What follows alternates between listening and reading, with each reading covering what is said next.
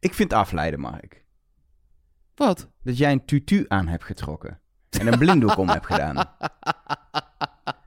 Ja, nou ja, ik dacht na vorige week dat jij de podcast binnenkwam rollen omdat je dacht dat je Joshua was, dat je nu dan wel als eh, kip zonder kop, eh, eh, als een soort René door de kamer zou rennen. Dus ik denk dan, dat doe ik mijn tutu aan. En dan willekeurige doosjes zou openen. En dan heel hard gaan roepen terwijl je bij een doosje staat. Hier zit er nog wat in, er zit nog wat in, er zit nog wat in. Terwijl je wegrent. Ja, top.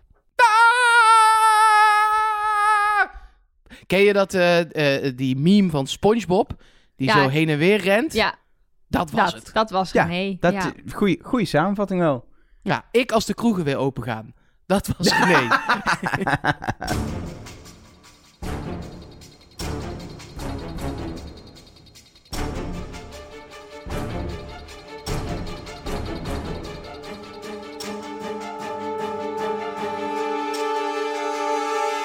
Hallo en welkom bij Trust Nobody, de podcast over wie is de mol met Nelleke Poorthuis, Met Mark Versteden. en labelprintkoning Elge van der Wel. labelprintkoning. Ja, want dan moet dat andere er ook in en dat is leuk.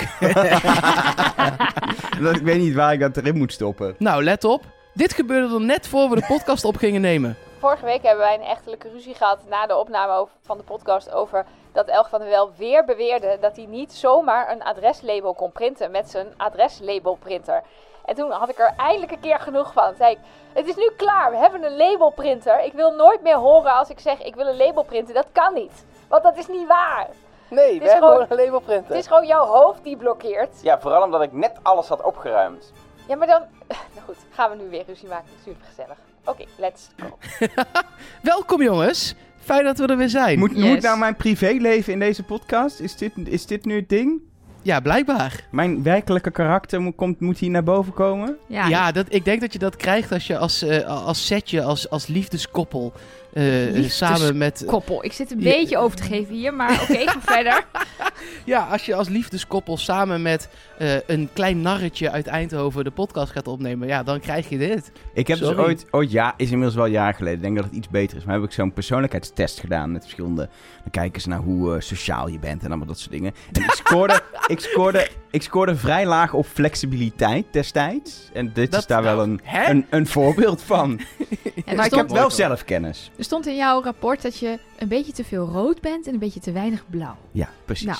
Anyway, we gaan het helemaal niet hebben over mijn persoonlijkheid, of over hoe ik reageer op verzoekjes over het printen van labels. We gaan het hebben over deze, nou, volgens mij fantastische aflevering van het 21 seizoen van eh, Wie is de Mol? De aflevering waarin tutus, blacklight, monster trucks van een bedrijf waarvan de naam wel genoemd of niet genoemd mag worden, daar hebben we het straks wel over. Ehm, maar die natuurlijk begon met... Begon het eigenlijk mee? Rick. Nou, nee, Nee, ja, dat nee, Remco het begon wel met gesprek leek. over Remco Ja. er niet bij was. Die niet meer onder ons was. Dat was nogal een mineur eh, gesprek. Ja, je, je zat er lekker klaar voor met een bakje chips en chocomel. En ineens was Remco helaas niet meer onder ons. Ja. ja, ik vond dat intens. En het was ook weer een... Iedereen zat volgens mij lekker zijn ding te doen bij het zwembad. En werd toen vervolgens bij elkaar geveegd door de productie. Jongens, jullie moeten even een groepsgesprek gaan voeren over hoe het was, de executie. Wel, wel lekker zo'n zwembad. Zo alles wat, wat we nu Gaat niet hebben. Met zijn zwembad. Ja, maar het is alles wat we nu niet hebben. Gewoon lekker aan het zwembad, dicht bij elkaar zaten. Dus ze raakten elkaar zelfs een beetje aan. Dat was heel eng. Ja. Nee, ja, is zo. Zo Erik de Zwart, spoiler alert trouwens, als je deze podcast luistert en je moet de aflevering nog kijken, doe dat eerst dan. Eh, maar Erik de Zwart, die is eruit. Die heeft thuis ook wel gewoon een zwembad, toch? Nee, volgens mij een spoorbaan. Ja, Echt dat, waar, ja? dat sowieso. Hij heeft een spoorbaan in zijn tuin. Zo'n klein, niet zo klein als een modelspoorbaan. één tandje groter. Zo'n Madurodam. Je kunt Ja. erop maat. zitten. Of, Nee. Ik weet niet of je er echt op kan zitten. Net niet. Misschien als je heel klein bent. Een kind of zo. Maar Oh, heeft oh, dus wel groter dan Madurodam. Ja, Madurodam is miniatuur Nee, natuurlijk. volgens mij is het groter dan... In ieder geval, hij heeft een spoorbaan in de tuin. Dat is wat ik weet. vet. Ik ik weet niet of hij ook een zwembad heeft. Ik denk dat het zijn keuze was en dat hij van zijn vrouw heeft gewonnen met het werd geen zwembad, Ja. maar een spoorbaan. Dat, dat Ja. voorzie ik. Ehm, Mooi. Maar eh, ja, inderdaad, eh scène bij het zwembad met, met Remco die eh, weg is. Ehm, vervolgens Rick die... ehm, Nee, eh, ho ho. Daar zat nog een opmerking van Rocky, waar ik heel veel berichtjes over heb gehad. Dat mensen daar wat van vonden. Moeten we elke opmerking nu diep gaan bespreken? Moeten we een, een deel C nog gaan toevoegen Jongens. om alle kleine opmerkingen te gaan bespreken? Rocky, Rocky is jullie hoofdverdachte. Dan moet dan... Ja. Nou, eh, ja, nee, dat klopt. Nou, dit zegt alweer genoeg. Ehm, vertel, de opmerking van Rocky. Nou, Rocky zegt heel, zegt heel eerlijk. Ik vond het eigenlijk helemaal niet zo erg dat Remco wegging. Want ik was vooral heel blij dat ik er nog in zat. Ja, maar is toch ook zo? Ja, maar toen kreeg ik dus... Ik, er zijn dus op de, bijvoorbeeld op de hotline ontstonden twee kampen. De mensen die zeiden... Ja, dat was zo kandidaterige opmerking. Die is kandidaat. En de mensen die zeiden... Ja, ze probeerden daar zo overduidelijk de kandidaat Nou, te maar spelen. Dit is echt Zullen de we, mol. daar, zullen we daar straks op terugkomen? Want ze heeft nog wel meer dingen gedaan waarvan je denkt, niet echt molgedrag. Nee, Nee, oké. Nou, wel maar dan kandidaat zetten we hier alvast even... Dit, dit vinken we alvast even aan. Ja, Ja. hier zetten we een, eh, hoe heet dat? Een voet, eh, voetnoot. ja? En dan komen we daar straks op terug. We hebben, nu, we hebben nu al vier dingen volgens mij waar we nog op terugkomen. Maar dat is prima. Ehm, Rick doet volgens zijn introductie het tekstje waarin hij ah, zegt dat er onderling wantrouwen is binnen de groep, et cetera. En vervolgens gaan we beginnen aan de eerste opdracht in Ho, Kasteel. ho, sorry. Ik wil echt heel even naar de leader. Die was hetzelfde als vorige week. Ja. En Nee, want eh, eh, iemand was eruit. Ja, Remco was eh, niet meer Remco was groen. eruit. Er zit, meer. iets in, er zit iets in en dat moeten we in de gaten gaan houden. Oh? En dat heeft te maken met een plaatje van het alfabet. En ik zag het nu pas. En ik zag ook daarna dat we er, er een aantal berichtjes over hebben gehad. Ehm, er zit een plaatje van het alfabet in. En daar ontbreekt in dat alfabet één letter. En welke is dat? De U. Van... Van... Utrecht. Utrecht. U. Er is maar U. één kandidaat in het spel nog met een U in zijn naam. Joshua.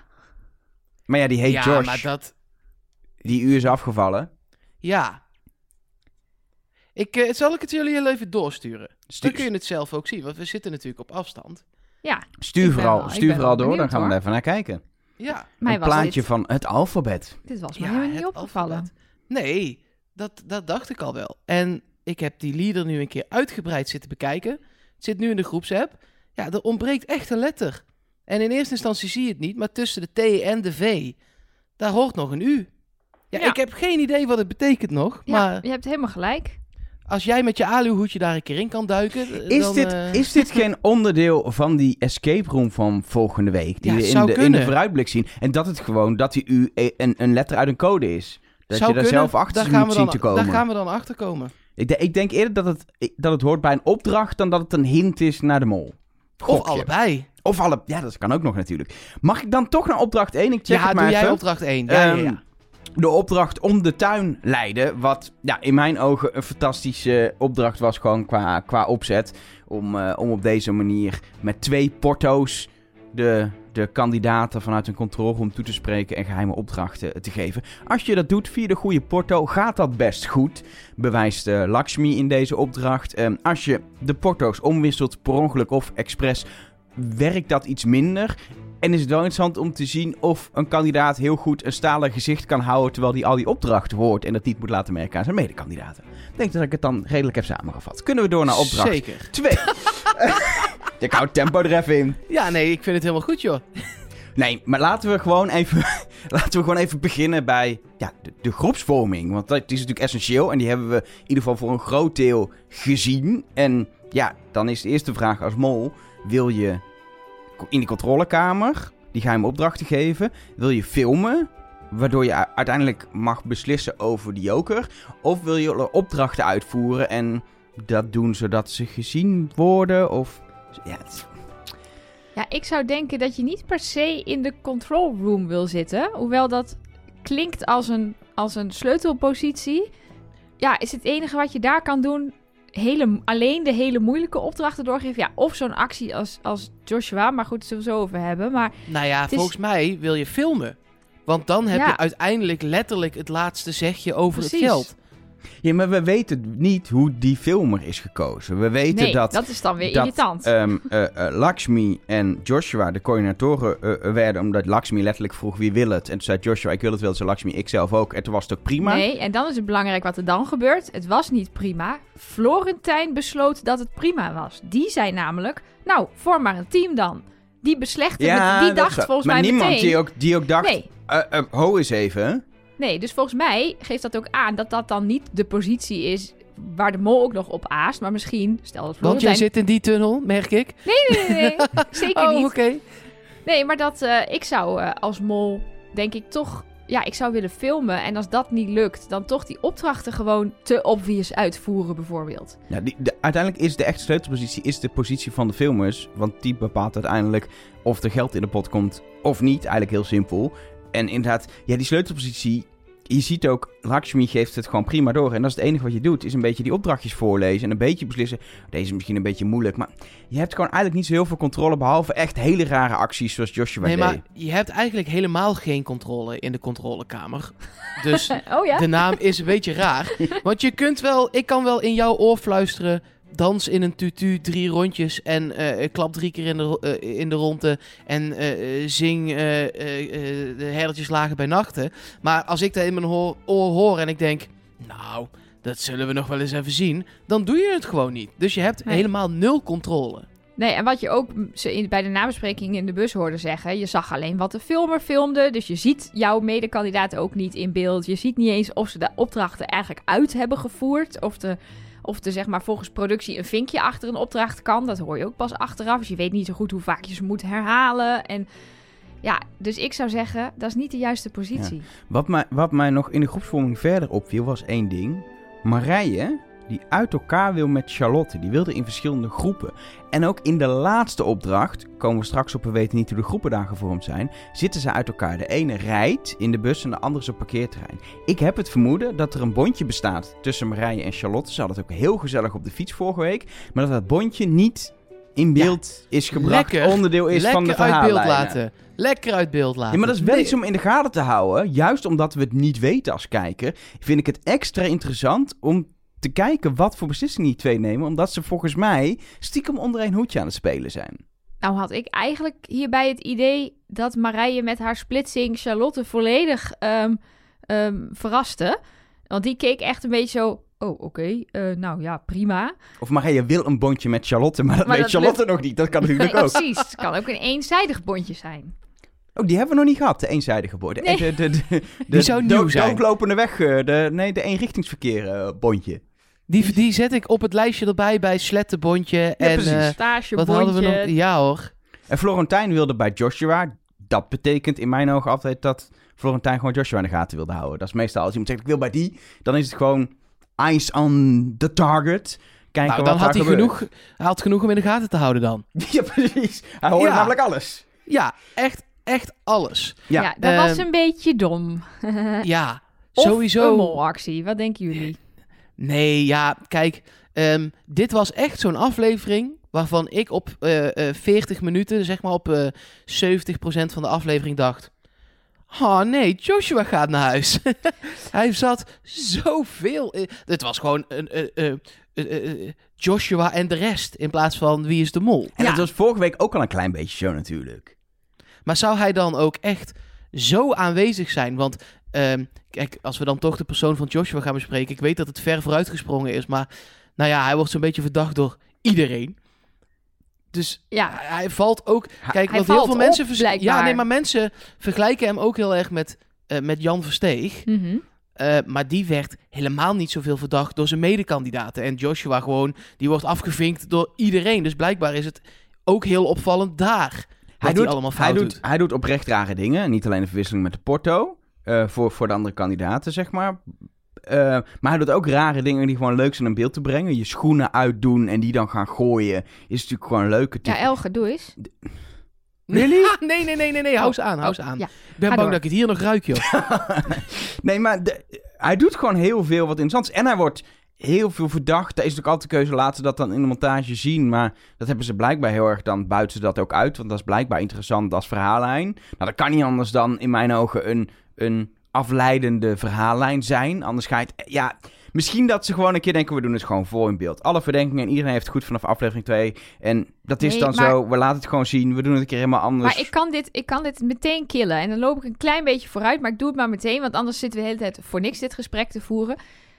Joshua is niet de mol, omdat hij een Miljuska en Buddy-strategie toe gaat passen met Splinter. Want hij spreekt met Splinter af: maak me zo verdacht mogelijk. Zeg tegen Marije dat je op mij zat. Zeg tegen iedereen die het vraagt dat je op mij zat. Maak mij verdacht en dan gaan wij samen verder. Dat is. De mollen doen soms rare dingen. Jeroen, eh, vorig seizoen ook met dat briefje jatten. Maar dit kan gewoon niet. Je kan niet als mol aan andere mensen gaan vragen om je zo verdacht mogelijk te gaan maken.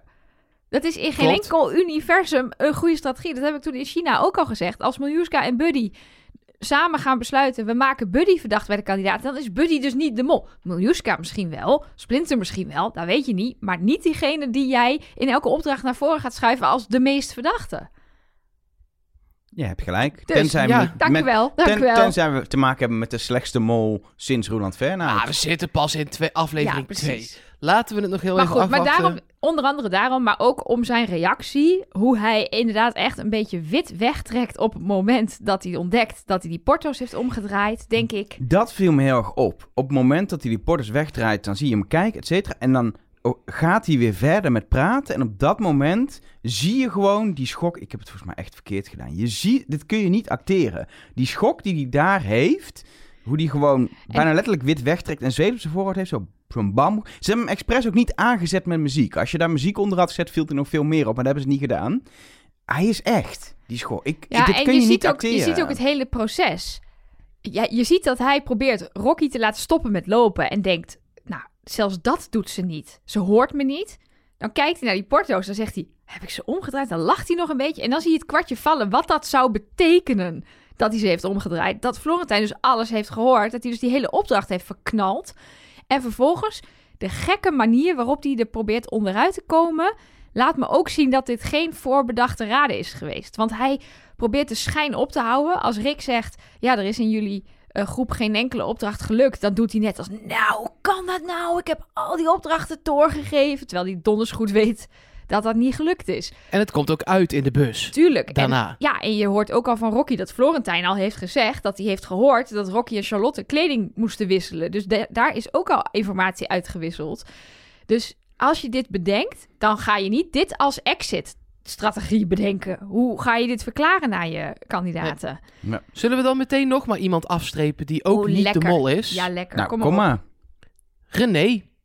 En Ja. ik weet dat ze op heel veel eh verdachte lijstjes staat. Eh, en eh, helemaal afschrijven is misschien nog een beetje vroeg in aflevering 2. Maar ik heb haar wel van potlood toch op zijn minst met eh, uitwisbare inkt eh, opgeschreven. Ehm, want zij mag op een gegeven moment eh, beslissen wat ze doet hè, voor het geld of voor de joker gaan. Mhm. Ehm, en nou ja, zij kiest ervoor om voor de joker te gaan. En dat, daar kan ik me nog iets bij voorstellen natuurlijk, want je speelt voor jezelf. En vervolgens geeft ze een fout antwoord. Ja, dat Ja. zou de mol natuurlijk never hebben gedaan. Die, die zou echt hebben gezegd... eh, oh ja, eh, ehm, nou wat heb ik allemaal gezien? Ja, Eh, Splinter, die moest vroeg slaan, of ze- alsof er ja, iets die sloeg mij bijna. Die heeft gevraagd aan een 30-jarig meisje of ze oma was. Je zou altijd met, met hele goede redenatie kunnen zeggen... oh, dat, dat was Ja. wel iets. Terwijl voor ah, de- René de kandidaat was inderdaad dat duimpjes omhoog was echt heel opvallend. Dus, en raar en onverklaarbaar. Dus dat is heel logisch dat ze Ja. dat noemt als kandidaat. Ja, Zou ik dus ook hebben ik- gedaan, denk ik. Ik, Als ik, heb haar eigenlijk eh, wel zo goed als afgeschreven. Nou ja, en voor mij krijgt ze hiervoor ook zeker een minnetje. Maar een ander minnetje zet ik bij mijn grote verdachte tot nu toe, Lakshmi.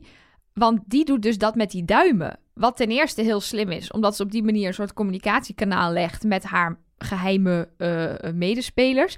Maar aan de andere kant dus ook iets doet wat heel erg opvalt, waardoor René het dus fout heeft. Of ze dat van tevoren heeft bedacht, weet ik niet. Maar dat vind ik ook geen molactie Nee, en- om een en- andere heel opvallende opdracht Precies. te geven. En ze kiest er ook niet voor om wel de opdrachten door te geven, maar dan de allerduurste niet door te geven. Ze geeft juist de opdracht van 175, eh, de, de oma-vraag, en die van 225, de kleding binnenste buiten, geeft ze door. Terwijl, in ieder geval, zoals we gezien hebben, de mop laten vertellen van 150 heeft laten liggen, omdat ze denkt, die valt op. Dat zou ik ook denken. Hoe heb jij eh, die opdrachten gevonden? Ik heb alleen het blaadje van Joshua gevonden. Nee hoor, het blaadje van Lakshmi komt ook gewoon in beeld. Dan kun je alleen het kledingstuk binnenste buiten kun je niet lezen. Maar die vertelt ze later. En dan kun je optellen dat dat 225 euro eh, moet zijn. Oh, wauw. Dus je ik hebt het beter gezien dan ik. Ik heb een heel... oh, moet, je, wil, moet je het overzichtje even hebben? Nee, nee, We nee, moeten door. Ik je. hoor helemaal... Ja. eh, Er zit weer zo'n regisseur in mijn oor die zegt, we moeten door.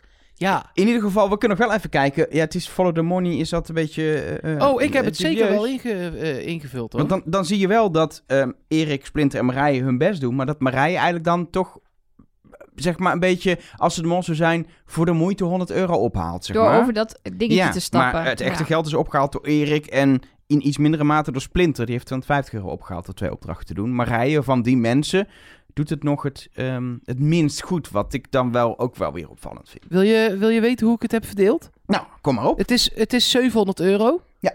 Eh, daarvan heb ik 200 aan eh Lakshmi gegeven, want zij kiest wel uiteindelijk de opdrachten uit. Heb ik eh, 175 aan eh, Splinter gegeven. Heb ik 175 aan Erik gegeven. 125 aan Marije, want die was er ook gewoon. En 25, aan, 25 aan René, want die heeft aan de opdracht eigenlijk niks bijgedragen en die wilde het nog afpakken ook. Precies. Het, het voelt ergens een beetje arbitrair, die 125 aan Marije en 25 aan René. Hoezo? Nou, waarom krijgt Marije 25 meer dan ze heeft opgehaald door een opdracht uit te voeren, bijvoorbeeld? Die was over. ja, Nee, maar het gaat nooit op 25 euro komen. Nee, oké, maar dat is altijd een beetje lastig. Dat geldt ook voor het molpuntensysteem. Ik ben wel even benieuwd, Nelleke. Heb jij molpunten uitgedeeld bijvoorbeeld aan Joshua toch, voor het verwisselen Ja. van de porto? ja.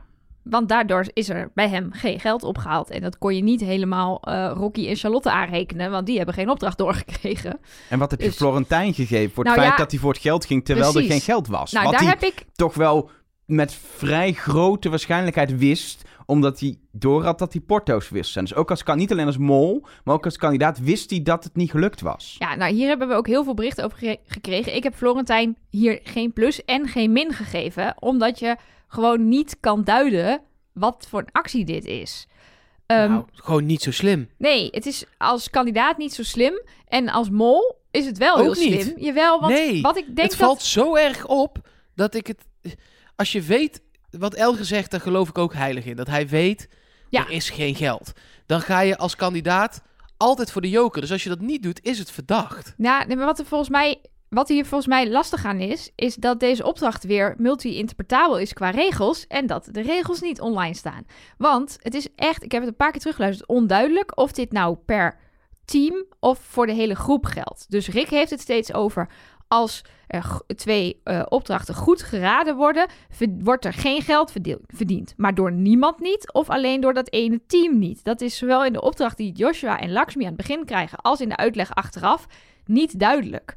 Dus Florentijn, als hij niet de mol is, dan zou hij ook nog kunnen denken... nou, die andere groep heeft het misschien wel heel goed gedaan. Als ik nu voor de joker ga, krijgt die andere groep geen... haalt hij geen geld op. Ik denk dat het per team ging, zelf. Maar dat is invulling van hoe ik zelf zo'n opdracht in zou richten. Maar dat is onduidelijk. Wat hij wel doet, wat, wat slim zou kunnen zijn... is hij zegt natuurlijk letterlijk, ik ga voor het geld. Waarbij je wel een soort van zaadje plant. Maar je gilt ook meteen, oh Florentijn, ik hou van je. Ik denk dat er een aantal kandidaten zijn die niet verder doordenken... en alleen maar dat horen... En bij hem dus het gevoel hebben... Yes, onze Florentijn gaat voor het geld. Wat helemaal niet waar is. De volgende opdracht gaat hij ook gewoon kaart voor de joker. Maar goed, daar kan hij dan misschien ook nog zelfs goed praten... doordat hij net heeft gezegd... ik ga voor het geld. Maar, Oké. Oké. maar het kan zowel als, als kandidaat als als mol een, een handige actie zijn... eh, waarbij hij zich of verdacht wil maken als hij kandidaat is... of juist geliefd wil maken als hij mol is. Dus ik word, kom hier gewoon niet uit. Dus hij krijgt van mij geen punten. Zullen we maar gewoon de afrekening doen dan? 700 euro erbij in de pot, brengt de pot op 20.050 euro. Zo, dat is, dat is 20.000. Dat is veel. Ja, 2050 Dat gaat, euro. dat gaat rap. 2000. Nee, zo rap gaat het niet. Maar 2050 euro. Ik vind, en daar hebben we het later nog wel over denk ik, maar het- deze aflevering gaat het eigenlijk best wel lekker qua pot. De- Ik wordt- heb het zelfs eh, heel wordt- even vergeleken met, met vorige jaren. Oh. Zo goed vond ik het gaan. Ja, het wo- wordt echt gewoon, dit is gewoon wel gewoon een derde van wat er in de opdracht op te halen was. En ook bij, bij opdracht 3 uit deze aflevering wordt ook gewoon een derde opgehaald. Maar ja, uiteindelijk loopt Rick wel te verkondigen dat ze maar een kwart hebben opgehaald in totaal een- van wat ze Een konden. kwart van wat ze op konden ophalen is voor Wie is de Mol de laatste veel. jaren best wel veel. Er zit ook geen alles of niets in deze aflevering. Het is altijd, en er zit wel min, er zat zelfs min geld in deze opdracht, maar dat leidt wel tot een lagere opbrengst, maar niet tot echt dat er, Dat er- geld uit de pot ja. ging. Dus het is volgens mij echt niet zo slecht. Klopt. Nou ja, en dat groepje van Lakshmi heeft het dus vet goed gedaan. Want van de duizend die ze binnen konden halen, 700. Ja. Dat is echt best wel lekker hoor. Wat dat betreft, als Joshua denk ik eh, goed had geportood, dan was dat misschien wel ook aan de andere kant gebeurt. Aan de andere kant, wat natuurlijk ook had kunnen gebeuren, is dat de mol daar liep, Charlotte of Rocky, en denkt: Ik hoor niks, ik kan niet mollen. Stel je voor dat, die, de, dat je de mol bent en op die manier daar loopt en buitenspel komt te staan en denkt: Wat gebeurt hier? Ja. En dat je ook, als mol denk je altijd wel een soort van controle te hebben, dat je weet wat de opdracht is. En dan ben je compleet buiten controle. Wat, wat doet dat met de, ben ik ook wel benieuwd naar, wat doet dat met de mol? Maar ja, daar horen we misschien Ja, we zullen het haar over een aantal weken vragen. Precies. Ehm, ehm, en dan vervolgens eh, het gesprek in de bus over wat er nou misgegaan met Joshua. En eigenlijk ja, is wel de conclusie dat de groep, uiteindelijk de hele groep erachter komt wat er is gebeurd. Ehm, en niet eens in het begin staan ze nog met het, met het groepje van Joshua bij elkaar en wordt er overlegd. En is de andere groep vooral bezig met het feit dat ze wel geld hebben opgehaald en dat René het fout had. Maar in de bus is het gewoon open en bloot wordt het besproken. En het zegt altijd wel iets over een groep als mensen de aanval zo eh, openbaar kiezen. Terwijl het vaak interessanter is om dit even één op één te doen. Maar ik denk dat het mysterie zo groot was dat iedereen Ja. het wel wilde weten. Ik denk ook als ik in die groep had gezeten, of het nou de succesvolle of de niet succesvolle was. Ik had, ik had gewoon he- helderheid geëist, opheldering. Wat is hier gebeurd? Zullen we naar het uh, Loki-klooster gaan? Mag ik, mag ik jullie daarvoor dan heel even meenemen naar de situatie in mijn huiskamer gisteravond? En Is het, heb je toch echt een tutu aangehad? nee, nee, nee. Nee, ik zou... Heb je een spannend muziekje? Beetje piano, viooltje? Dit? Ja, dit lijkt me goed. Ik eh, z- zat gisteren thuis, alleen op de bank, lampen op groen. Eh, we wisten natuurlijk dat deze opdracht eraan kwam. En we gingen naar eh, het, het Loki-klooster. En, ehm, nou ja, je, je zag allerlei beelden van die balletdansers met dit soort spannende muziek. Eronder ook gemonteerd. En je zag al een aantal flitsen van die blacklight lamp. En ik weet niet hoe het met jullie zat, maar ik voelde mezelf ook langzaam meegaan in die spanning. En Mhm. ik dacht, oké, dit wordt echt een hele vette opdracht. En toen hoorde je heel langzaam ook al dat eh, muziekdoosje, weet je wel? Dat pling, pling, pling, pling, pling, pling, pling. En daar zat een beetje het probleem, want dat is ook een carnavalsliedje. Dus halverwege dat liedje zat ik... Ja, la, la, la, la, la, la, la. Ja, la, la, la, la. Ja, la, la, la, la, la. In je Ah, helemaal tutu, uit de ik zie dat helemaal voor me. Ja, ja, ja. Wegspanning. ja. Oh. Oh. Maar even Ja. serieus, deze opdracht... Ja, dit was serieus. Ja, nee, dat snap zo ik. was- Dat zo ging ik. het echt. Maar- ik dacht, spannend, spannend, spannend. Carnaval. Ja, La, la, la, la, la. Ja. Maar deze opdracht. Denk even gewoon, even een jaartje terug. China, de opdrachten. En dan dit. Ja. Nou, ze- ja, maar Wat echt. is er in een jaar tijd gebeurd bij de makers van Wie is de Mol... dat ze opeens vette dingen zijn gaan doen? cocaïne? ja, dat moet. Dat kan niet. Nee, ja, dat is- dit is, meer paddo's. Ja, ja. dit is meer een, een, Ja, sorry, dat bedoel ik, ja. ja, ja, ja. Maar wat- Maar wat wel weet je- goed. Dit, zo'n Nee, opdracht had wel, je ik- ook in een andere vorm... Nee. Zonder, zonder de balletdans en de blacklight kunnen doen. Nee, maar dit hadden ze natuurlijk ook bedacht voor China. En toen mochten die, die arme kinderen, die daar dan tot ballerina's eh, ge- afgetraind worden in China, die mochten ineens niet. Dat, Ah. Dat ik bedoel dit kunnen. niet als grapje, maar volgens mij wa- was er de hele tijd dit soort gezeik. Ja. Ja, dat zou zomaar kunnen. En dan zit je En- daar en dan heb maar, je dus... nee, maar, en toch ben ik het niet helemaal met je eens. Omdat ehm, ook de vorige opdracht, en die had echt prima in China gekund. Een rondleiding door een of ander Chinees gebouw met Ja. twee Chinese nee, rondleiders. maar die mag je niet filmen. Bij de Dam hebben we ook een paar mensen gefilmd toen. Dus dat is niet helemaal waar. Ja, nee, sorry. Eh, maar nee, maar eh, gewoon ook de lagen die in, in opdracht 1 van deze aflevering zaten. En ook al eh, in aflevering 1 zelf. Dus er zitten veel meer lagen in, veel meer diepgang. En dat maakt het volgens mij vet. Ja, zeker. En dit was gewoon een, een toffe combinatie van lasers op een andere manier gebruikt. Het was niet dat ze moesten lasergamen. Het was niet zo'n actieopdracht, maar wel spannend. Daardoor die, die, die fucking creepiness van die ballerina's. ja, Ehm, en van het klooster. van het klooster zelf, van de Want ze hebben daar de- volgens, eh, eh, volgens Splinter een polonaise aan leegstaande kloosters. Ja, lijkt me leuk Ja, om daar... la, la, la, la, la. Ja! Ja, toen was je er weer uit natuurlijk. Ja, was ik er weer uit. Ja. Nee, het zat er net voor, maar eh, dat hielp niet mee. Nee, ja, dus het... En nou, ik vond het gewoon een hele vette opdracht. Twee teams. eh daar kan je natuurlijk ook weer lekker mee, mee variëren. Beetje geld opgehaald. Beetje stomme acties. Je bedoelt Rocky heeft een beetje geld opgehaald. Rocky heeft een beetje geld opgehaald, ja. Maar je hebt het meteen over twee teams. Ja. Het is essentieel bij deze opdracht om te weten hoe de teams geformeerd zijn. Want Nou, dat kan ik jou vertellen. In het ene wil- team... Oh, zo. De mol wil geld kunnen pakken. De verkenner als mol zijn is gewoon zinloos. Want of je wordt wel afgeschoten of niet, het maakt geen hol uit. Want je haalt geen geld op. En ja, je kan een beetje doorgeven de rode ballerina links of, eh, of de, de, de gele rechts. Maar uiteindelijk zie je ook, René komt langs en die trekt gewoon elk kistje open en maakt alle... Het maakt niet uit. Alleen, we weten niet hoe die groepen geformeerd zijn. En ik ben daar echt... Ja, serieus, ik ben daar klaar mee. Je Ik wil- het gewoon Nou, weten. Elger. Ja, Hoe maar, kan ik de mol vinden als ik het niet weet? ja, maar dat is toch waar het hele programma om gaat? Ja, dat is het hele idee. Als we het wel zien, dan weet je het bij aflevering 3. Weet je, hoe- je moet volgens mij... Mijn manier om naar dit programma te kijken is al jaren... Ik weet het niet. En dat is oké. En het leuke is de zoektocht. En niet het weten.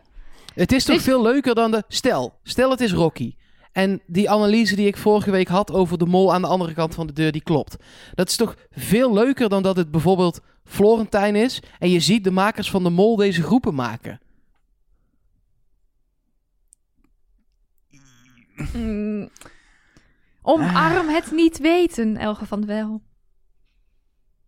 Wees flexibel. Maar zou het, niet, zou het niet ook zo kunnen zijn dat de, als eh, de mol wel bij de verkenners zat, dat hij daar het doosjes heeft leeggehaald? Oh, een mereltje, ja, zeg maar. Eerst Kan. langs doosjes, daar uit alle doosjes de helft van het geld gehaald. Maar dan moet je wel als laatste overblijven. Anders is de kans dat je het gepakt wordt is heel groot.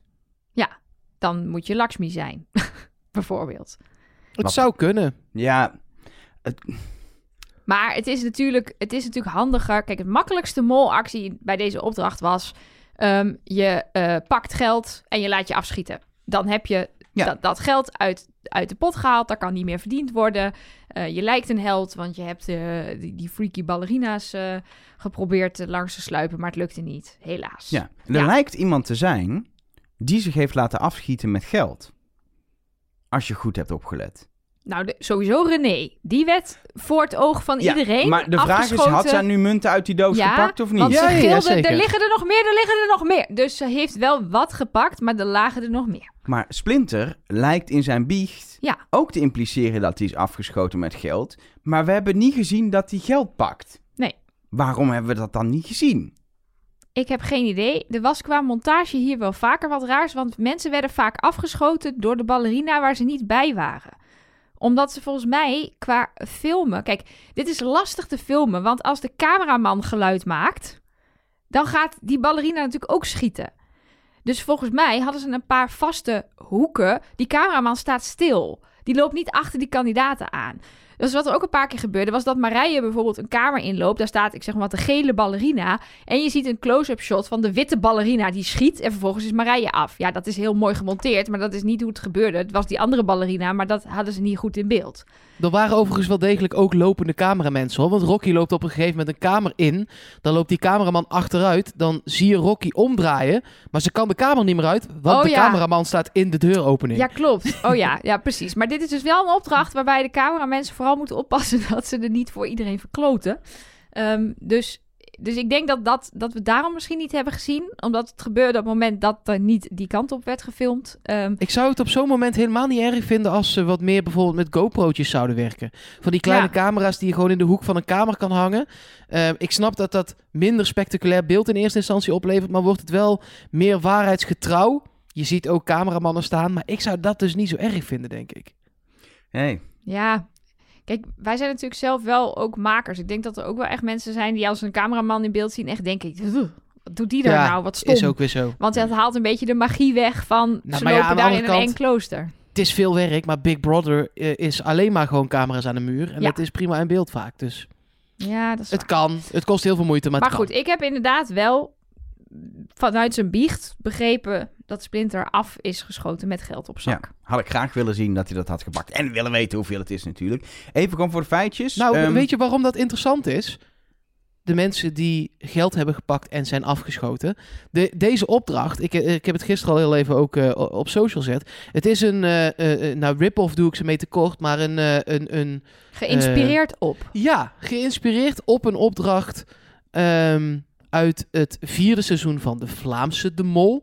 aflevering in drie. Argentinië, toch? Ja, Ja. eh, mocht je dat seizoen nog willen zien, spoel dan nu heel even anderhalve minuut eh, eh, vooruit. Want ik ga namen noemen en hun functie erbij. Want anders is het niet uit te leggen waarom het interessant is dat dit interessant is.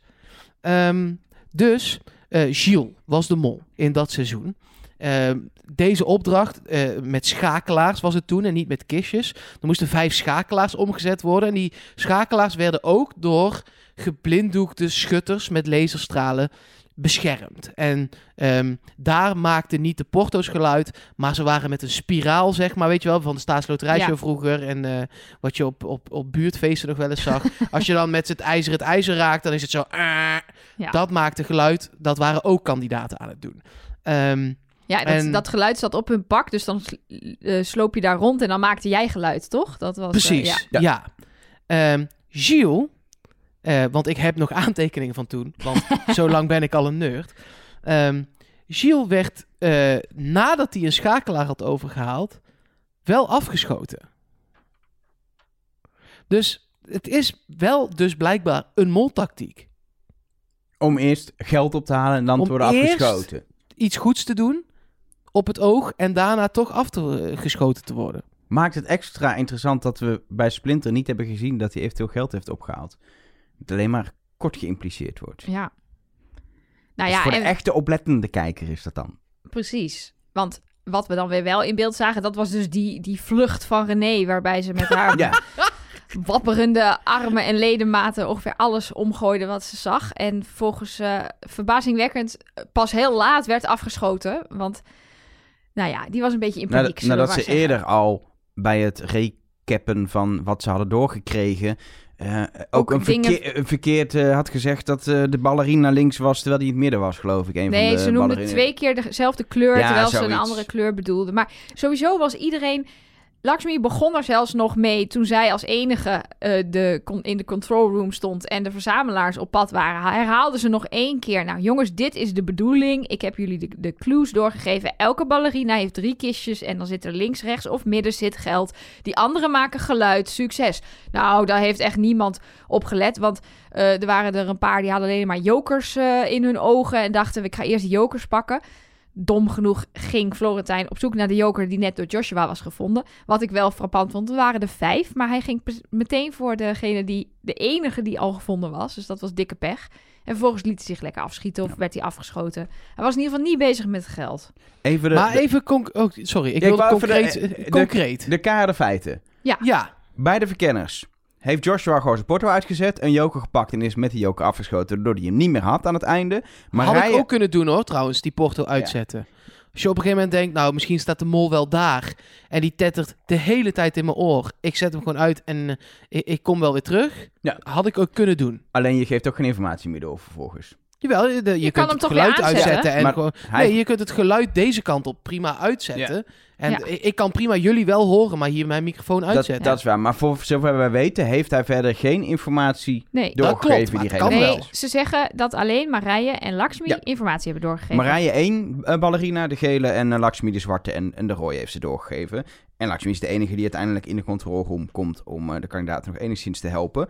Ehm, aan de andere kant zien we dat eh, René daadwerkelijk geld uit de kistje pakt, maar met het geld wordt afgeschoten. Dat het bij Splinter misschien is gebeurd. En Florentijn hebben we zien zoeken naar joker die niet was, die werd afgeschoten. En Erik hebben we alleen maar gehoord, ik werd afgeschoten daarna. En verder weten we niet wat Erik heeft gedaan. Nou, behalve vond dat ik- Erik niet de mol is. Precies, maar, eh, dat vond ik toen op, best opmerkelijk. Dat ik dacht, hé, hey, die is wel heel weinig in beeld gebracht in deze opdracht. En net toen ik een beetje dacht, moet ik Erik niet in de gaten gaan houden? Toen was er een executie. Ehm, In zijn dagboek van de afvaller staat trouwens ook dat hij die lezeropdrachten niks vindt. nou, daar heeft hij slechte volgorde van opdrachten gehad. Ja, arme man. Maar goed, en door. Dan, dan kijken we nog eh, eh, verder. Is eigenlijk de enige die geld heeft opgehaald, eh, Rocky.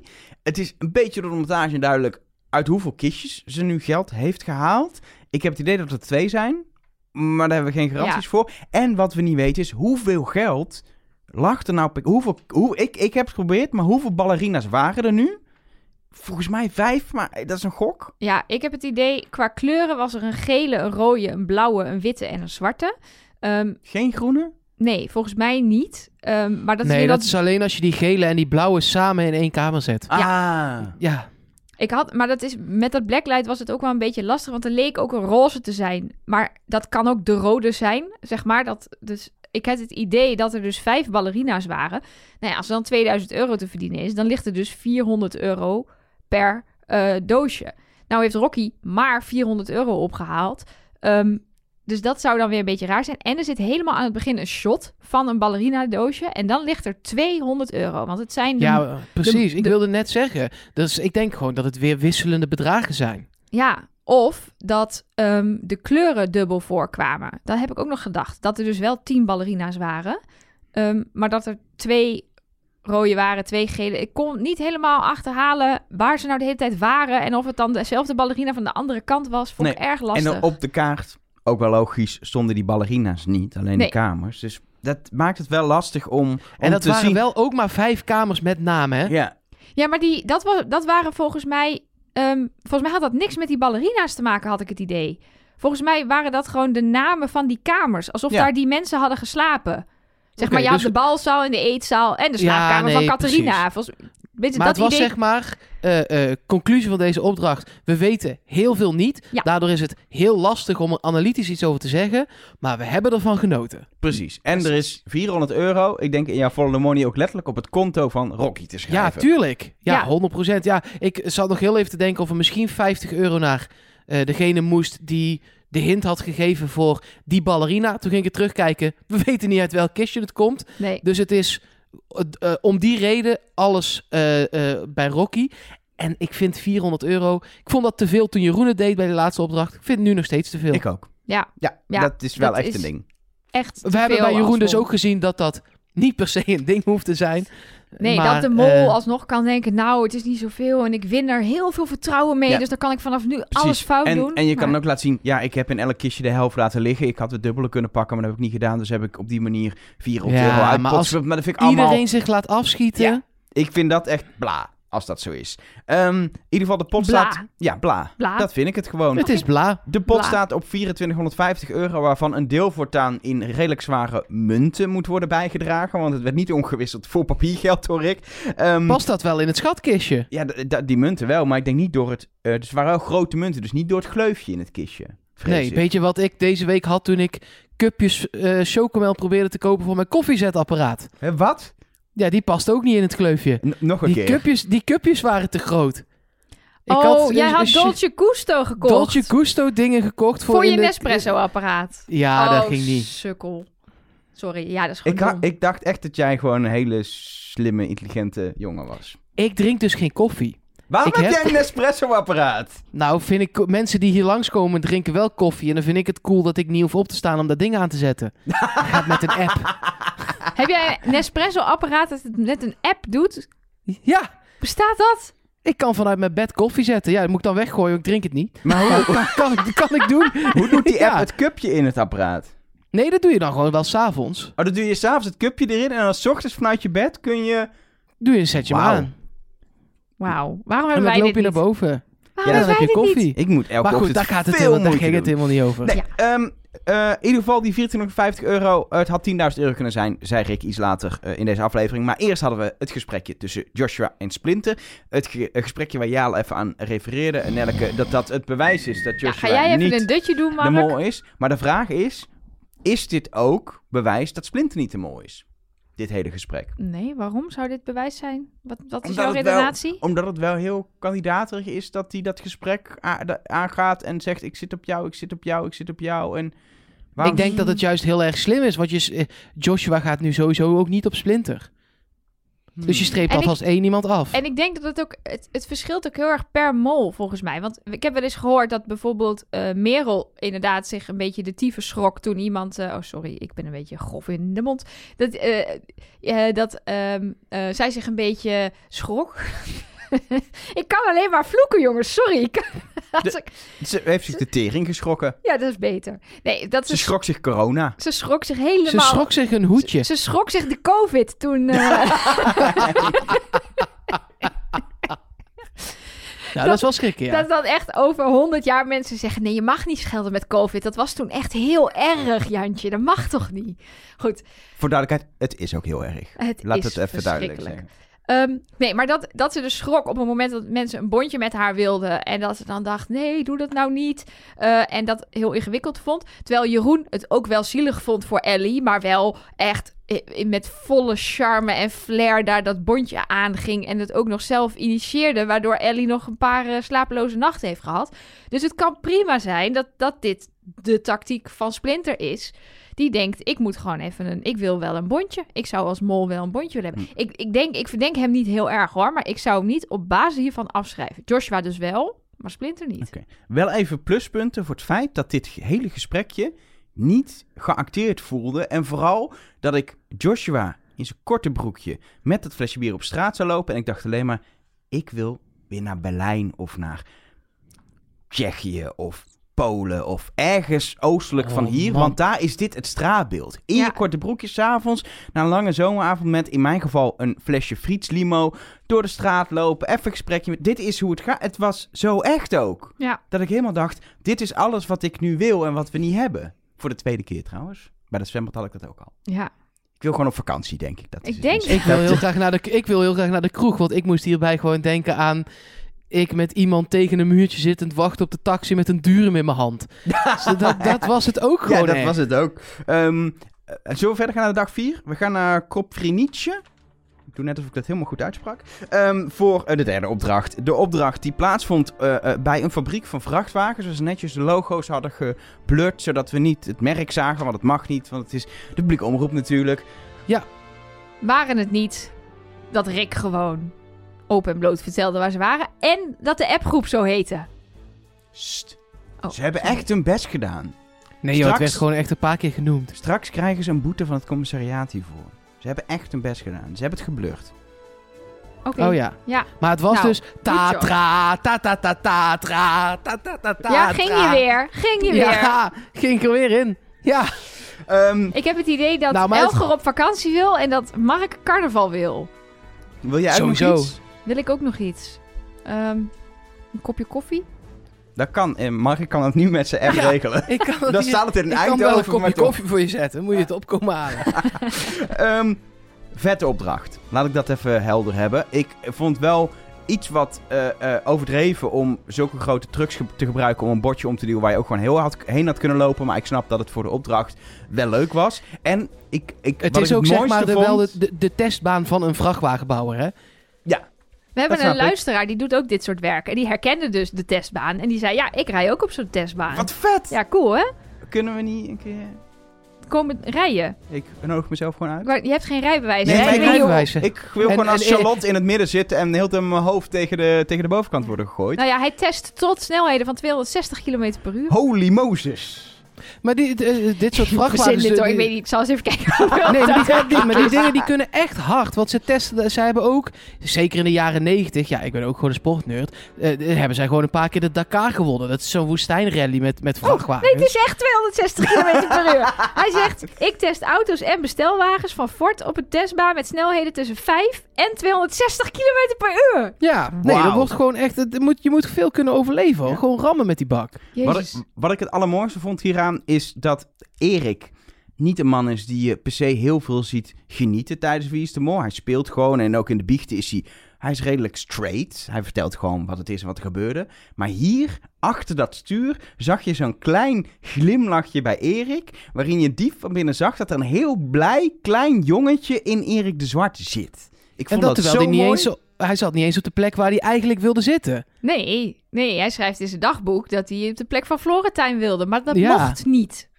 Er stond niet bij van wie dan niet, maar wel Nou ja, opvallend. Daar wil je wel zitten toch, op de plek van Florentijn als Ja. mol zijnde. Helaas weten Ja. we niet eh, hoe het verdeeld is, waar we het maar mee moeten doen dan, Nou hè, ja. met die informatie dat we dat niet weten. Dan moeten we dan maar accepteren. Dus dat doe ik dan maar, hè. Dat ik het dan niet weet, dan ga ik me dan niet overlopen te op te winnen te doen. Heel goed, Elger. Goed, je, je bent aan het leren, ontwikkelen, fijn. Nee, ja, je wilt als mol daar zitten. Ik wil het weten! Ik wil het gewoon weten! Ja, je zag het niet als je luistert, maar ik wist gewoon dat er nog iets kwam, want zijn hoofd liep gewoon rood aan. Ik zie, er zaten, zitten allemaal aders zo bij zijn slaap te Het kloppen. punt is namelijk, je wil niet op dat parkeerterrein zijn. Nee. Kijk, het punt is, je wilt die, die communicator zijn, maar je weet ook als mol, als je over gebriefd wordt over deze opdracht, dat het de kans groot is dat je het niet wordt, want het is er maar één van de acht. En dan wil je in de, de bumpy ride Ja. auto. Maar je wilt onder En dan de voor- camera vasthouden en niet René zijn, zeg maar. Nou, René heeft daar ook nog wel wat dingen gedaan die je als mol zou kunnen doen.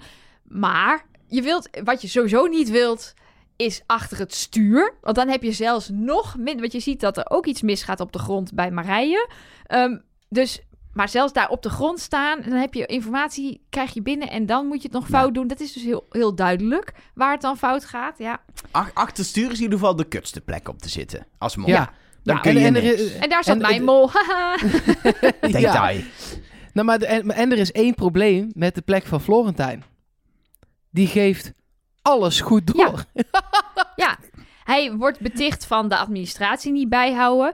Nou, oké. Maar aan de andere kant, jij staat met je neus op dat terrein en kan precies zien welke borden er op de grond liggen. Dus waarom moet Florentijn dat bijhouden? Jij kan dat beter doen. En alles wat we hebben gezien, geeft hij goed door, inderdaad. Hij geeft niet één keer dat hij de verkeerde linker, rechter, bovenhoek, onderhoek, schuin, diagonaal of kleurtje omwisselt. Heb, jij, heb jij precies bijgehouden welk bordje wat en hoe en eh, Uiteraard. linksom en rechtsom? Ja, dat dacht ik al wel weer. Ja, Ja, maar we hebben niet alles gezien. Tenminste, ik heb het ook geprobeerd, maar ik Nee. kom niet helemaal uit. Nee, kijk, het punt is, ehm, ehm, je moet een aantal mensen, vooral de bumpy ride mensen, bijna altijd op hun woord geloven. Want we zien niet elke keer of het vinkje of het kruisje achterop wat ze roepen, of dat ook waar is. Eh, wat ik in ieder geval zie, je ziet alle acht borden die omvergereden worden. Dus daar zijn we wel volledig, hebben alle informatie gekregen. Daarvan zien we dus eentje heel duidelijk fout zijn. Daar komen ze ook al ter plekke achter. Dat komt door Marije. Ehm, Florentijn geeft het goed door. Marije geeft, eh, wijst vervolgens aan Splinter het verkeerde bord aan. En ehm, Splinter raad- laat Erik hem omverrijden. Ondanks dat Erik al een paar keer zegt hij is fout. Dus ik vind daar zowel Marije als Splinter verdacht. Want het kan supergoed zijn dat Marije hem inderdaad in haar hoofd gewoon heeft omgedraaid. Maar Splinter gaat het ook niet even checken bij Florentijn. Pas als hij omgedraaid, omgereden is door Erik. Eh, die dus niet de mol is, maar wat, ook, wat, wat bij mij ook wel verdacht was op dat moment. Ik wilde al die mensen er hier een plusje in mijn molschema voor Ja. geven. Bij Erik had het geen zin meer. Nee, Maar die andere twee hebben daar een Ja, plusje voor. Bij mij ook, want Splinter kan lekker meegaan op de fout die Marije heeft gemaakt en gaat hem ook niet eh, recht zetten. Uiteindelijk zetten ze hem wel recht, gaan ze uiteindelijk nog wel de goede omrijden. Maar het punt nou ja, is dat hebben we dus niet gezien. wel. Ja, die is. Die, is- daar heb Dat ik gezien uiteindelijk. Ja, ja, ja. Dat is, eh, dat is Oh, dat heb ik echt totaal gemist. Ja, dat, eh, die gaan ze uiteindelijk nog wel omrijden. Dat duurt wel even, inderdaad. Er zit ook wat, daar zit ook wat raar geknip in. Want er wordt op een gegeven moment ook een rood bord doorgegeven. Wat pas drie borden later ook daadwerkelijk omver wordt gereden. Eh, maar je ziet dus alle acht borden die omgaan. Dat zijn ook de borden waarvan inderdaad de mensen in de bumpy ride auto zeggen... Ja, goed. Eh, maar dan hebben we er bijvoorbeeld eentje... Daar zeggen zowel Rocky als René. Ja, dat is een goeie. Ja, dan is het al aannemelijker dat dat ook daadwerkelijk een juist bord was. Maar we hebben bijvoorbeeld ook eh, borden waarvan alleen maar René zegt: Ja, dat was een vinkje. Ja, dat is niet te controleren. We zien het niet in beeld. We weten niet of zij het goed doorgeeft. We zien soms ook dat inderdaad Joshua niet mee omkijkt. Dat alleen maar René het dan ziet. Terwijl ze niet eens aan het raam zit. Dus dat, die had ook niet echt. Dat ik denk, ja, dat gaat ook niet helemaal lekker. Ik zou zeggen, je maakt foto's door de voorruit. En degene die aan de zijkant zit, bij het raam zit, die checkt de achterkant. Ja. Ik weet niet. Maar en ja, er die zijn mensen nog... die in het midden zaten... Jij zegt dat nu wel, die moesten de foto's maken. Maar eh, ze gingen dat op een gegeven moment... Die zaten volgens mij niet vast. Nee, nee, dat eh, zag je bijvoorbeeld bij Charlotte, die echt letterlijk Ja. gewoon uit die auto, of letterlijk uit de auto, ze bleef erin, maar dat hield niet veel over. Ze hadden volgens mij zo'n soort handgrip die je kon vastpakken aan het plafond of zo. Ik zag Charlotte op een gegeven moment zich volgens mij helemaal Ja, vasthouden. ja, zo en ze knalt ik- zelfs een keer met die telefoon op het dashboard terwijl ze een foto probeert te maken. Dus eh, dat hij het überhaupt heeft Dus- overleefd. Je moet je altijd, dames en heren, vastmaken... als je met een vrachtwagen door een bospad rijdt met 120 km per uur. En doe je dat niet, dan... Ja, nou ja, Charlotte heeft haar wiplesje wel geleerd, zeg maar.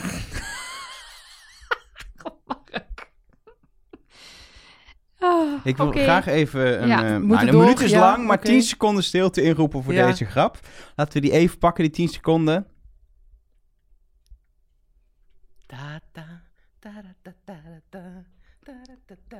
Wij hebben hem gepakt, de 10 seconden in ieder geval. Ja. Mark Nee, heeft ja. nog een kleine Polonaise gelopen. En wat er, natuurlijk, wat er natuurlijk wel gebeurt, is dat Florentijn te veel foto's doorkrijgt. Dus hij zegt, ik heb er elf op een gegeven moment. Ehm, dat klopt volgens mij ook wel, want je ziet ook in beeld ehm, dat er op een gegeven moment ergens halverwege de opdracht al eh, acht foto's of zo voorbij zijn gekomen in die screenshots eh, van WhatsApp.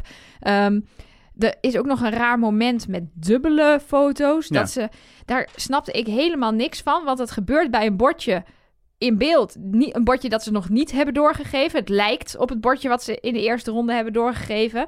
Dus dat is ook niet helemaal waar wat Joshua en René daar zeggen. Terwijl je wel ziet in, in het WhatsApp-screenshot dat er inderdaad een exacte foto twee keer tussen zit. Dus gewoon exact dezelfde foto is twee keer verstuurd. Maar sowieso, wat mij dan weer heel erg opviel, is dat we vooral heel veel de screenshots en de bordjes er doorgeven hebben gezien van Joshua en René. En van Rocky en Charlotte hebben we heel veel de, de- niet gezien wat ze hebben doorgegeven. Ik heb er twee kunnen opschrijven. En misschien waren het er drie, misschien heb ik het niet helemaal... Het lastig soms te zien. Nee, ja, maar ze- ze het hebben- grootste deel zagen we Joshua en René's. Ja, want zij zeggen ook zelf, we hebben maar drie foto's doorgestuurd. Ja. Dus dan komen dus wat wat van ook die zou elf... kloppen, want volgens mij waren er per eh, duo drie goede borden. Want er moesten zes bordjes goed zijn Nee, maar ze totaal. reden toch dezelfde route? Of eh, ik dacht dat ze allebei achter elkaar aan dezelfde route reden.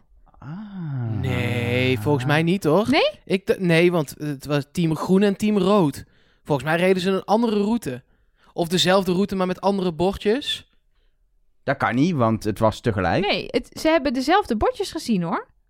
Ik heb een aantal, bord- aantal bordjes waarbij ik. eh, is- Ik Oh. dacht het inderdaad op een gegeven moment ook dat ze allebei eenzelfde hebben gezien. Dat Ja, klopt. ze reden volgens Dit mij. verklaart een hoop. Ja, en daardoor Oh nee, krijgen, toch ze, niet. krijgen Nee. ze dus. Nee. Nee, maar dan krijg je dus ook meer foto's dan die Ja, zes. precies. Want Ja, nee, er tuurlijk. zijn zes Ah. goede bordjes en die kunnen door beide teams gespot worden. Dat was hoe ik het heb gezien. Hier, nu vallen er wel wat meer dingen op zijn plek. Want ik was echt uitgaan van losse routes, maar dit verklaart wel Kun je dit veel. niet gewoon even appen op zaterdagavond? Want als ik dan de tweede keer terugkijk, kan ik dit gewoon meenemen. Ik moet hier ook alles doen. In ieder geval, de, wat we zagen maakt het niet makkelijker om hier te zien wat er is misgegaan. Feit is dat er ja, waarschijnlijk twee verkeerd zijn doorgestuurd die niet Nou ja, die een kruisje hadden. feit is als. Nou ja, feit, feiten en wie is de mol is lastig, hè? Maar als het klopt wat Charlotte zegt, we hebben drie foto's gestuurd, dan hebben René en Joshua dus acht foto's gestuurd, terwijl er maar zes goede borden zijn in totaal. Dus dat is sowieso te veel. Maar ja, zij reden twee rondjes.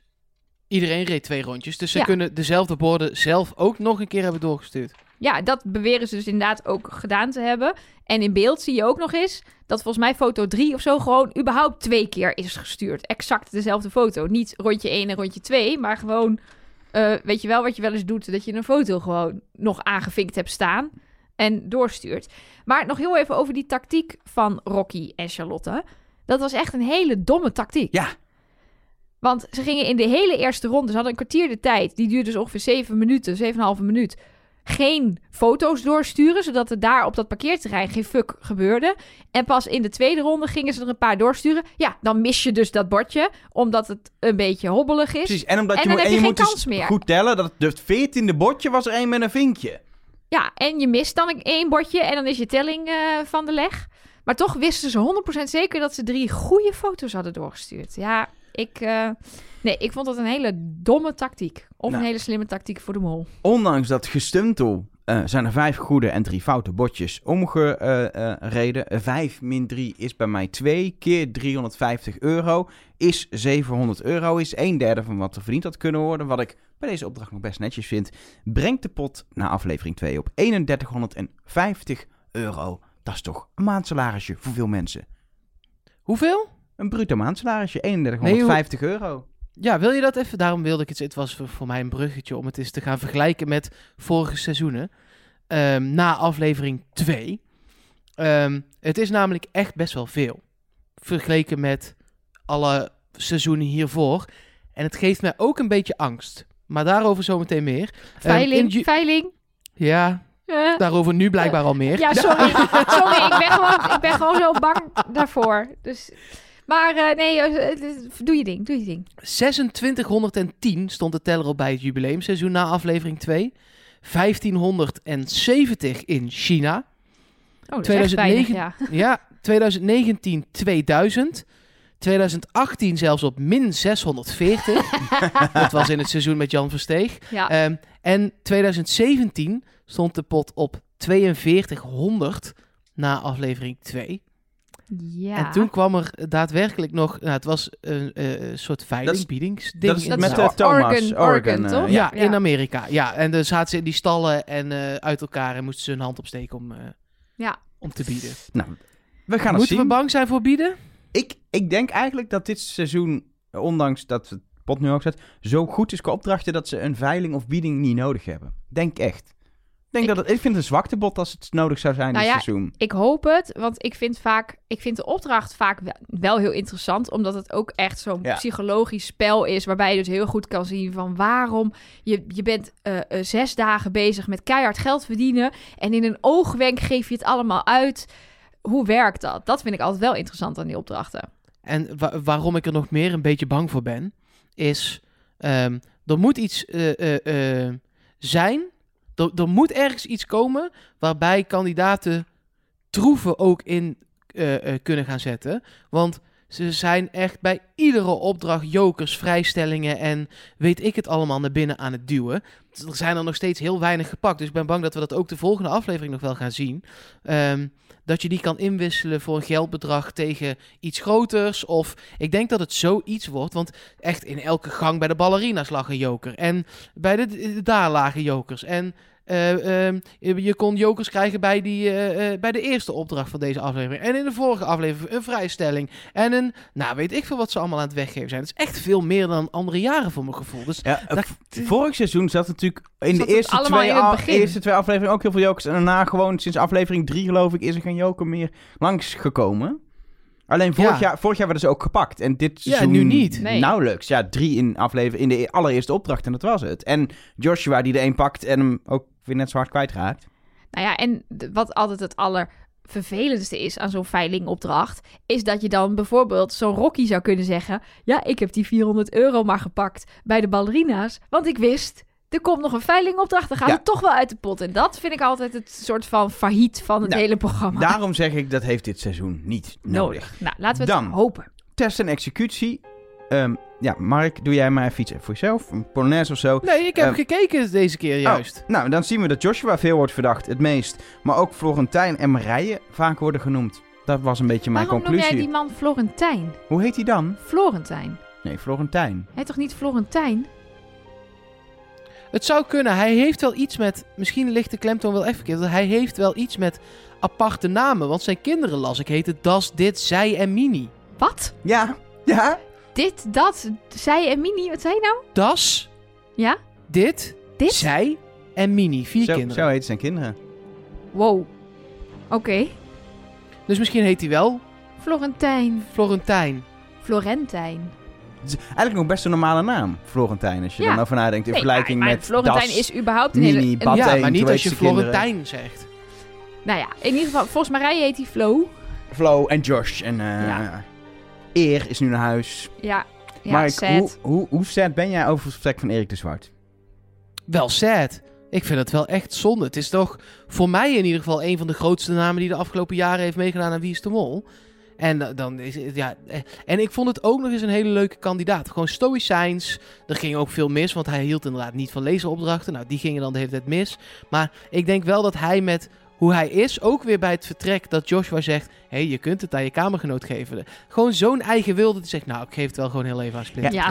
En ik, wat ik dus heel graag had gezien, is wat er gebeurt als zo'n kandidaat echt tot de laatste vier of zo in zit. Omdat je toch ziet dat het vaak een, eh, meer een groepje wordt. En hij doet daar niet zo...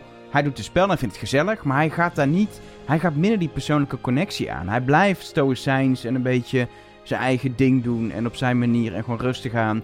En ik, ik ben heel benieuwd wat de effect was geweest op de groepsdynamiek. Aan de andere kant begon ik net een beetje van... Ik moet Erik in de gaten gaan houden. Wat is hier aan de hand? En hij deed wat dingen. En was ik ook wel blij. Oh, hij is weg. Dan, is dat, dan kan ik, hoef ik me daar niet meer door te laten afleiden. Dus qua mijn zoektocht ben ik ergens nu wel blij dat hij eruit ging. Maar qua hele spellenseizoen, los van dat het Erik de Zwart is, wat een soort legend is, vind ik het wel jammer. Ik het, is, ook. het is nou eenmaal, er moest iemand naar huis. Ja, dan moet iemand naar huis. Nou ja, en als je kijkt wie die, wie die verdacht, want hij was dus blijkbaar de slechtste. Hij had wel gespreid op vier mensen. Dus dat was bij Remco ook al zo. Dus blijkbaar spelen deze kandidaten het spel of zo goed dat als ze eh, richting één iemand gaan, dat het de juiste is. Of ze zijn allemaal lekker aan het spreiden. Eh, want hij spreidde op Marije, Splinter, Rocky en nog eentje. Daar is hij een beetje Ja, daar ging ik nog over. over nadenken. Mijn vermoeden is dat de, ergens in een soort autofabriek in eh, Tsjechië staat nog een laptop open met de test van Erik, die bij vraag 15 is gebleven. En nog steeds aan het nadenken is wie die vierde nou zou zijn. Ah. En dat hij dus maar 15 vragen heeft beantwoord omdat hij er verder niet uitkwam. Dan moet je ook naar huis waarschijnlijk. Maar ja, dat, ik denk niet dat we dan meteen kunnen zeggen dat Marije, Splinter en Rocky alle drie niet de mol zijn. Nee, zeker niet omdat ze best wel een beetje mijn drie meest Oh. verdachte personen zijn Oh, op dit moment. Dus dat is wel een, ja, een ding. Nou ja, ik- de- la- laten we daar naartoe gaan, toch? Dan ronden we dit deel A ronden we af met eh, wie wij op dit moment verdenken. verdenken. En dan ga, ga- oh, zometeen, eh, mocht je ook eh, deel B nog gaan luisteren, dan Doe gaan dat. we veel dieper in met als, al jou als luisteraar ingestuurde dingen. En gaan we nog veel dieper in ook op hints, theorieën en dat soort dingen. Eh, maar als we zo de aflevering hebben gezien, wie denken wij dan dat de mol is? Nou. Na aflevering 2. Ik noemde net drie namen, maar ik vind dat je er één moet noemen. En dan is mijn, mijn ding gewoon bij twijfel niet inhalen. Ze is er zeker niet verdachter op geworden. Maar ik heb ook niks waarvoor ik echt zeg, ze is het niet. Dus dan blijf ik toch maar bij Rocky voor nu. Oké, ik heb wel iets, want die 400 euro vind ik echt Ja. eh, onmolwaardig. Ehm, ik, eh, eh, zij heeft nu ook het meeste opgehaald, samen met Lakshmi, van iedereen. Eh, in mijn uh, mol-categorie, eh, in mijn mol-theorieën boekje. Er zijn drie mensen die het minst hebben opgehaald. Joshua, maar die vind ik te verdacht aanwezig. Ehm, dan moet ik kiezen tussen Charlotte en Florentijn, want die hebben gewoon het minste opgehaald tot nu toe in mijn schema. En dan ga ik voor Charlotte. Oeh, een nieuwe naam. Interesting. Ja. Een beetje de kandidaat die in mijn ogen nog heel weinig aandacht Ja, trekt in dit spel. Wat ook altijd wel opvallend verdacht is. is. Precies. Nou ja, ik eh, zat op Lakshmi. Eh, die heeft deze aflevering ongeveer 83,5 keer iets gedaan waarvan ik denk, nou, dat zou ik als mol niet doen. Eh, dus die eh, schrijf ik toch wel een beetje af. En dan hou ik maar even voor nu mijn molpunten systeem aan. En daar staat Florentijn aan kop. Dus eh Flo is mijn molly. Ja, die zat ook bij mij in de top 2. Maar die zit dan weer net te vaak Ja, in de cruciale positie. Ja, ik weet het niet. Ja, en ik vond hem deze aflevering ook wel heel erg verdacht gemaakt lijken worden, naar voren geschoven. Het schijnt dat het in Moltalk ook de hele tijd over hem ging. Maar ja, ik ga er toch voor. Als ik haar had gehad, had ik het nu recht overeind gezet om te vertellen dat je door moet zeppen naar NPO 3. Want daar gaan we doorpraten over alle verdachte dingen, verdachte zaken in eh, eh, deel B van deze podcast. Mocht je niet gaan luisteren naar deel B, dan eh, doei. Ik maak een soort vergelijking met Moltalk, dus dan gaan er misschien heel veel mensen nu niet luisteren. is misschien niet heel Nee, slim. dit, dit- deel B is zoveel beter dan Moltalk. Da- dan deel A ook zelfs. Ja, dat ook. Dus. Ja, want ik doe niet mee. Doei. Nee. Ga jij lekker Polonaise doen thuis? ja, zin in. Trust nobody.